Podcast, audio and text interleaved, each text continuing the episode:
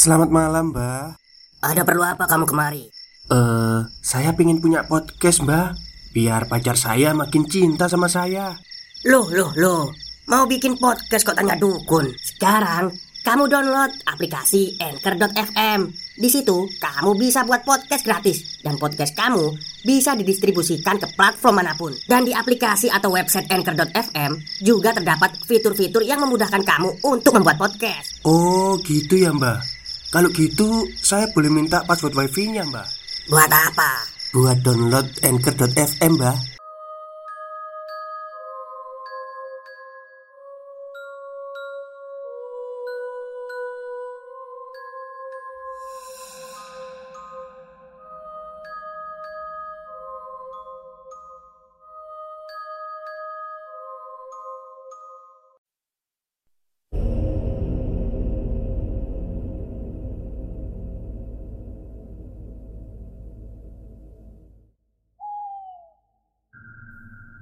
Assalamualaikum warahmatullahi wabarakatuh. Halo semuanya Jumpa lagi dengan saya Chow Sing Sing Kurator dari podcast Horror Night Story.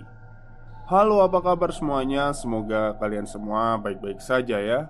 Dan seperti biasanya pada malam hari ini Maksudnya siang hari ini Saya kembali dan akan menghadirkan sebuah kisah mistis untuk kalian semua Kisah mistis kali ini saya datangkan dari treat horornya Cinta Kirana Yang menceritakan tentang uh, sebuah ini ya Hal gaib yang menimpa ibunya.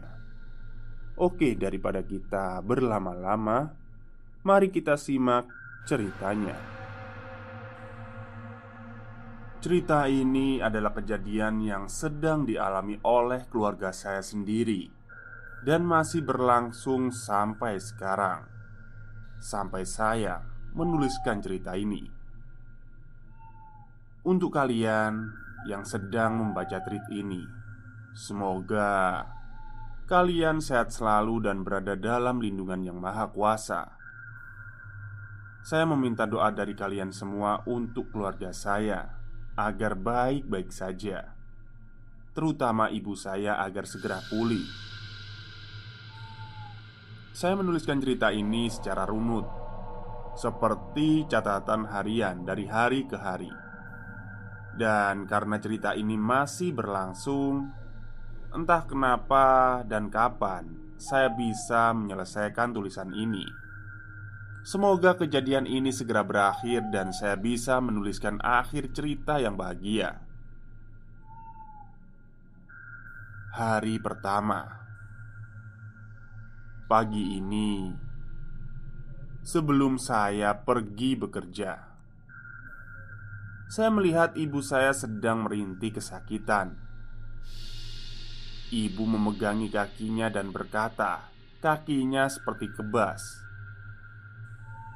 Saat ibu pergi ke kamar mandi kecil pun, langkahnya tertati-tati kesulitan untuk berjalan. Memang sudah beberapa hari ibu mengeluhkan sering cepat letih dan lemas. Ibu merasakan rasa sakit pinggangnya dan kakinya terasa sangat pegal. Sore harinya, saat saya selesai bekerja, adik saya Tika menelpon saya untuk segera pulang dan mengantarkan ibu ke rumah sakit.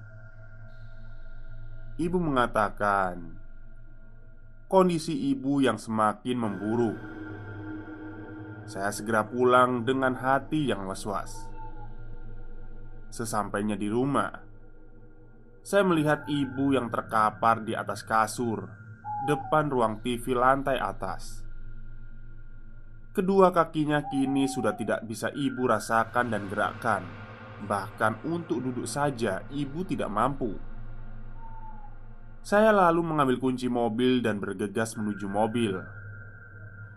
Dengan susah payah ibu dibopong oleh kakak laki-laki saya, Kak Windu, dan adik ipar saya, Deka, menuju mobil. Sepanjang perjalanan saya mengemudikan mobil dengan perasaan yang kacau Sambil sesekali melihat kaca spion dalam melihat ibu terbaring sembari merintih kesakitan di kursi belakang. Kak Windu duduk di samping kursi kemudi, dan Deka yang pergi terlebih dahulu ke rumah sakit menggunakan sepeda motor untuk meminjam dan mempersiapkan kursi roda. Hari itu hari Kamis. Sekitar pukul 8 malam kami tiba di rumah sakit. Ibu langsung dilarikan ke IGD. Ruangan IGD nampak dipenuhi oleh beberapa pasien. Karena protokol kesehatan selama masa pandemi COVID ini mengharuskan penunggu pasien hanya satu orang. Akhirnya aku yang menemani ibu, Kak Windu dan Deka menunggu di halaman depan rumah sakit. Ibu masih saja merintih merasakan badannya sangat tidak nyaman dan nyeri di sana-sini. Saat dokter menghampiri kami, dokter bertanya tentang beberapa hal yang mungkin saja menjadi penyebab kelumpuhan yang terjadi secara tiba-tiba pada ibu. Seperti apakah ibu pernah terjatuh? Tidak, ibu sama sekali tidak terjatuh. Apakah ibu memiliki riwayat darah tinggi? Ya, ibu memang memiliki riwayat darah tinggi yang mungkin saja menjadi penyebab kelumpuhan.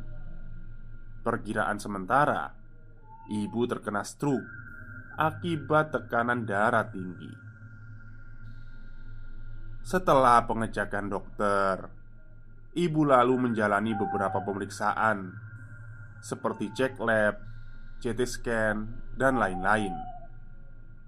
Kami menghabiskan waktu di ruang IGD cukup lama.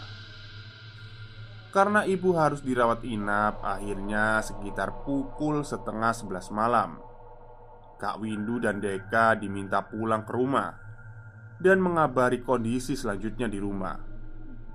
Sekarang tersisa saya dan ibu. Saya mengelus-elus kening ibu. Bibir dan wajahnya nampak pucat pasi. Ibu yang selama ini selalu bersemangat, kini lemas tak berdaya. Setelah selesai pemeriksaan ini dan itu, Sekitar pukul satu dini hari. Ibu dipindahkan ke ruang rawat inap di lantai tiga. Malam itu kami habiskan dengan mengobrol ringan Sambil menyemangati ibu yang sedang berusaha tegar. Hari kedua Seorang suster datang untuk memasangkan infus Dan mengecek tekanan darah serta memberikan beberapa obat Tekanan darah ibu 120 per 80 Normal. Hari ini saya mengambil cuti agar bisa menemani ibu. Ibu ditangani oleh dokter spesialis bagian dalam dan dokter saraf. Ketika dokter datang untuk memeriksa Ia meminta ibu agar berupaya menggerakkan kakinya sekuat tenaga. Tapi tetap saja Ibu tidak bisa melakukan apa-apa saat kakinya dicubit dan digerakkan oleh dokter pun sama sekali tidak merasakan apa-apa. Kemudian dokter melihat bagian perut ibu yang membesar dan keras. Ibu lumpuh dari bagian sekitar ulu hati sampai ke ujung jari kaki, sehingga ibu tidak bisa mengontrol untuk buang air. Ibu akhirnya dipakaikan kateter urin dan diapers.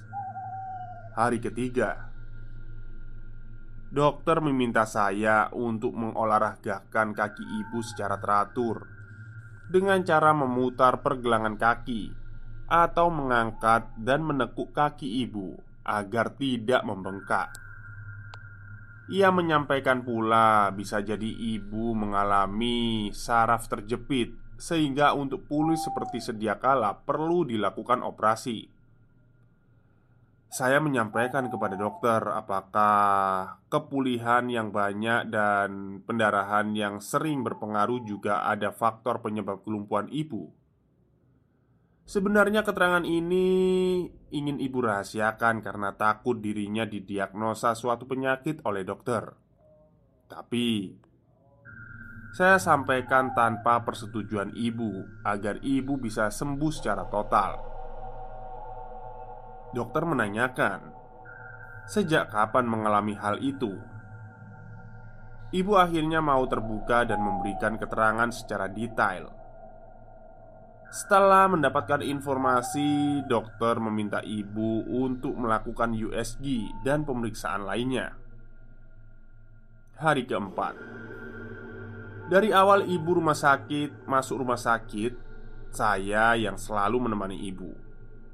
Tapi hari ini ibu meminta saya pulang dan beristirahat digantikan oleh Kak Windu Yang hari ini libur bekerja Kak Windu tiba sekitar pukul 9 pagi Tepat saat ibu dipanggil untuk melakukan USG Ibu diantarkan Kak Windu ke lantai satu untuk pemeriksaan Dan saya menunggu mereka kembali sebelum pulang. Cukup lama saya menunggu sampai akhirnya mereka datang. Dari raut wajah masing-masing Saya sudah bisa menebak hasil pemeriksaannya. Pasti buruk. Saya melihat Kak Windu yang hanya terdiam sambil menyembunyikan rasa gelisahnya. Kemudian saya mengalihkan pandangan pada ibu. Kini, ibu menutupi kedua mata dengan satu lengannya, menutupi air matanya yang tidak terbendung. Mungkin waktu ibu cuma sampai di sini. Ucapnya tiba-tiba dengan nada yang lirih. Ibu difonis kanker serviks tingkat lanjut. Rumah sakit ini tidak menyanggupi untuk melakukan tindakan lebih lanjut, sehingga ibu harus dirujuk ke rumah sakit yang lebih besar. Keadaan di ruangan ini masih hening. Kak Windu mencari tahu seputar informasi tentang kanker serviks di handphonenya. Saya menyemangati dan meyakinkan ibu kalau ibu bisa melalui ini dan semuanya akan baik-baik saja. Lalu saya berpamitan pulang. Di rumah, saya menjelaskan kepada anggota keluarga yang lain tentang kondisi ibu dan meminta keluarga untuk selalu mensupport ibu. Malamnya, saya kembali ke rumah sakit Meskipun dirawat, ibu biasanya tetap semangat dan makan dengan lahap sambil menonton TV. Tapi hari ini ibu tampak lesu, tidak berselera makan, bahkan lebih sering melamun. Sepertinya ibu belum bisa menerima dengan lapang atas kondisinya saat ini. Sambil terus menahan tangis dalam hati, saya terus-menerus berdoa agar ibu bisa ditegarkan hatinya dan pulih seperti sedia kala dan saya pun harus bisa kuat untuk menguatkan ibu. Hari kelima, hari ini hari Kamis, hari Senin, saya harus pergi bekerja. Pagi-pagi sekali, bapak sudah datang untuk menggantikan saya menjaga ibu. Bapak baru pulang dari dinas luar kota. Dia kaget dan tidak menyangka dengan kondisi ibu saat ini. Bapak memeluk ibu tanpa kata-kata, seolah ia kehilangan bahasa untuk diucapkan. Saya lalu pamit berangkat bekerja, meninggalkan mereka berdua di ruangan ini. Hari ini rencana ibu keluar dari rumah sakit.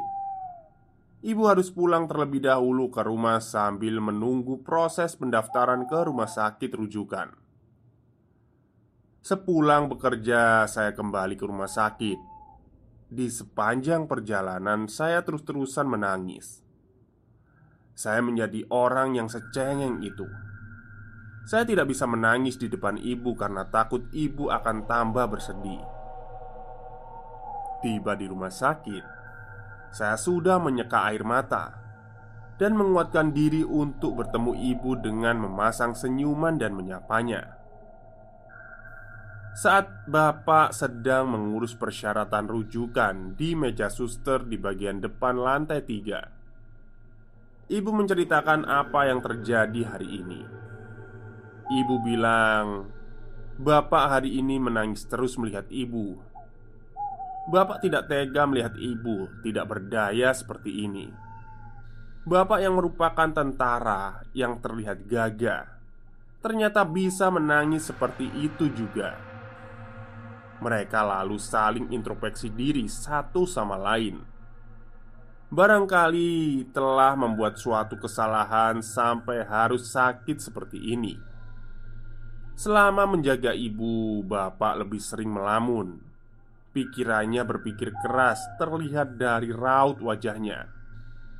Bapak membelai dan menggenggam tangan ibu sambil terus menyemangati kalau ibu adalah wanita yang kuat dan pasti bisa bertahan melalui ujian ini. Malamnya, ibu kembali ke rumah agar mempermudah mobilisasi. Ibu ditempatkan di ruangan keluarga lantai satu dan tidur menggunakan tempat tidur single adik bungsu saya Rara yang diangkut dari lantai dua. Saya dan bapak menggelar kasur di lantai samping tempat tidur ibu agar kami bisa terus menemani ibu. Hari ke-6 Hari ini saya mengambil cuti untuk mengurus berkas ibu di rumah sakit rujukan.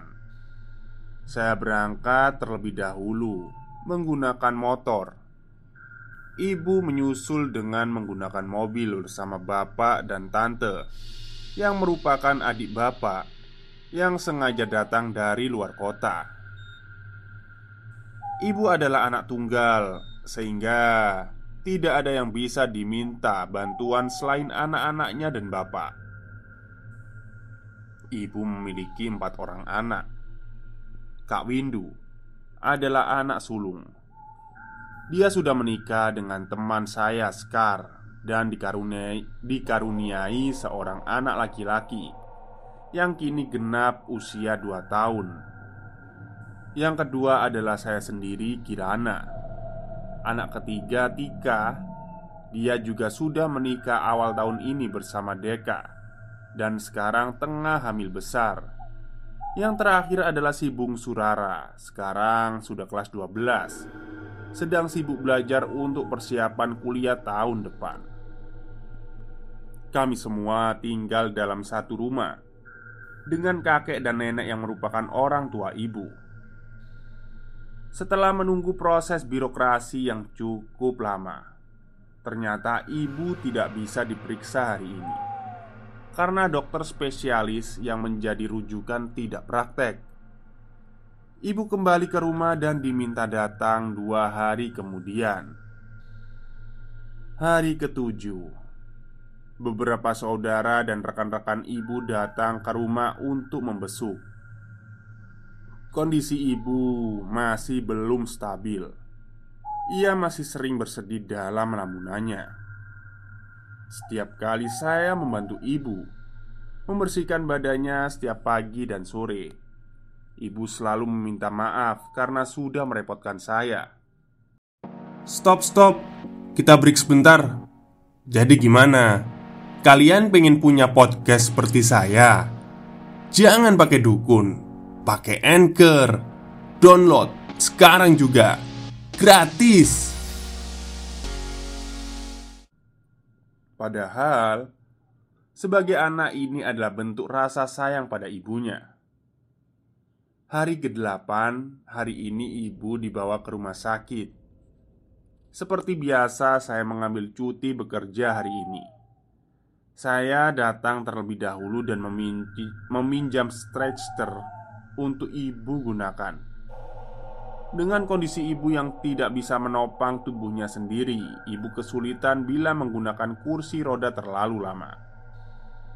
Hari ini Ibu melakukan beberapa pemeriksaan dan konsultasi dengan dokter spesialis kandungan. Ibu diputuskan untuk rawat inap saja karena kondisi ibu yang tidak memungkinkan pulang pergi pada saat proses tindakan berlangsung. Namun karena hari ini ruangan kelas 1 sudah full terisi Ibu diminta datang kembali dua hari kemudian Setelah melakukan booking ruangan. Hari ke-9 Saya sudah mulai terbiasa dengan rutinitas baru ini Sebelum berangkat dan ketika pulang bekerja, saya menyekat tubuh ibu dan mengganti diapersnya. Ibu tidak ingin diseka oleh orang lain, mungkin karena ibu merasa tidak enak, takut lebih merepotkan banyak orang. Kondisi ibu saat ini sering merintih kesakitan di bagian dadanya dan terkadang merasa sesak nafas. Ibu berkata dadanya seperti ditusuk-tusuk, sakit sekali. Ibu juga sering sekali merasa kepanasan. Sampai berkali-kali berganti baju karena dibasahi oleh keringat yang bercucuran. Di saat orang sekitarnya merasa suhu ruangan biasa saja dan cenderung dingin. Malamnya teman-teman saya berkunjung menengok ibu dan menyemangati saya. Hari ke-10 Hari ini ibu mulai dirawat inap. Saya bertugas menemani ibu setiap malam Karena ibu harus disekap pagi dan sore. Sedangkan bapak menggantikan menjaga ibu di siang hari. Ruangan di rumah sakit ini nyaman dan bersih. Pelayanannya pun juga bagus. Selang beberapa menit seorang suster menghampiri ibu Untuk memasang infus dan mengambil darah. Saat memasang infus Tak tega rasanya melihat ibu kesakitan Setelah berkali-kali ditusuk jarum karena cairan infus yang tidak masuk. Dari tangan kiri pindah ke tangan kanan dan akhirnya pindah lagi ke tangan kiri Menyisakan bercak darah di tangan dan spray.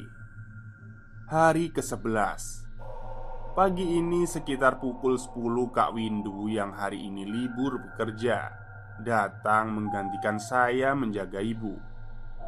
Saya lalu mencium kening ibu Pamit pulang ke rumah Jarak rumah sakit ini ke rumah cukup jauh sekitar 45 menit menggunakan sepeda motor.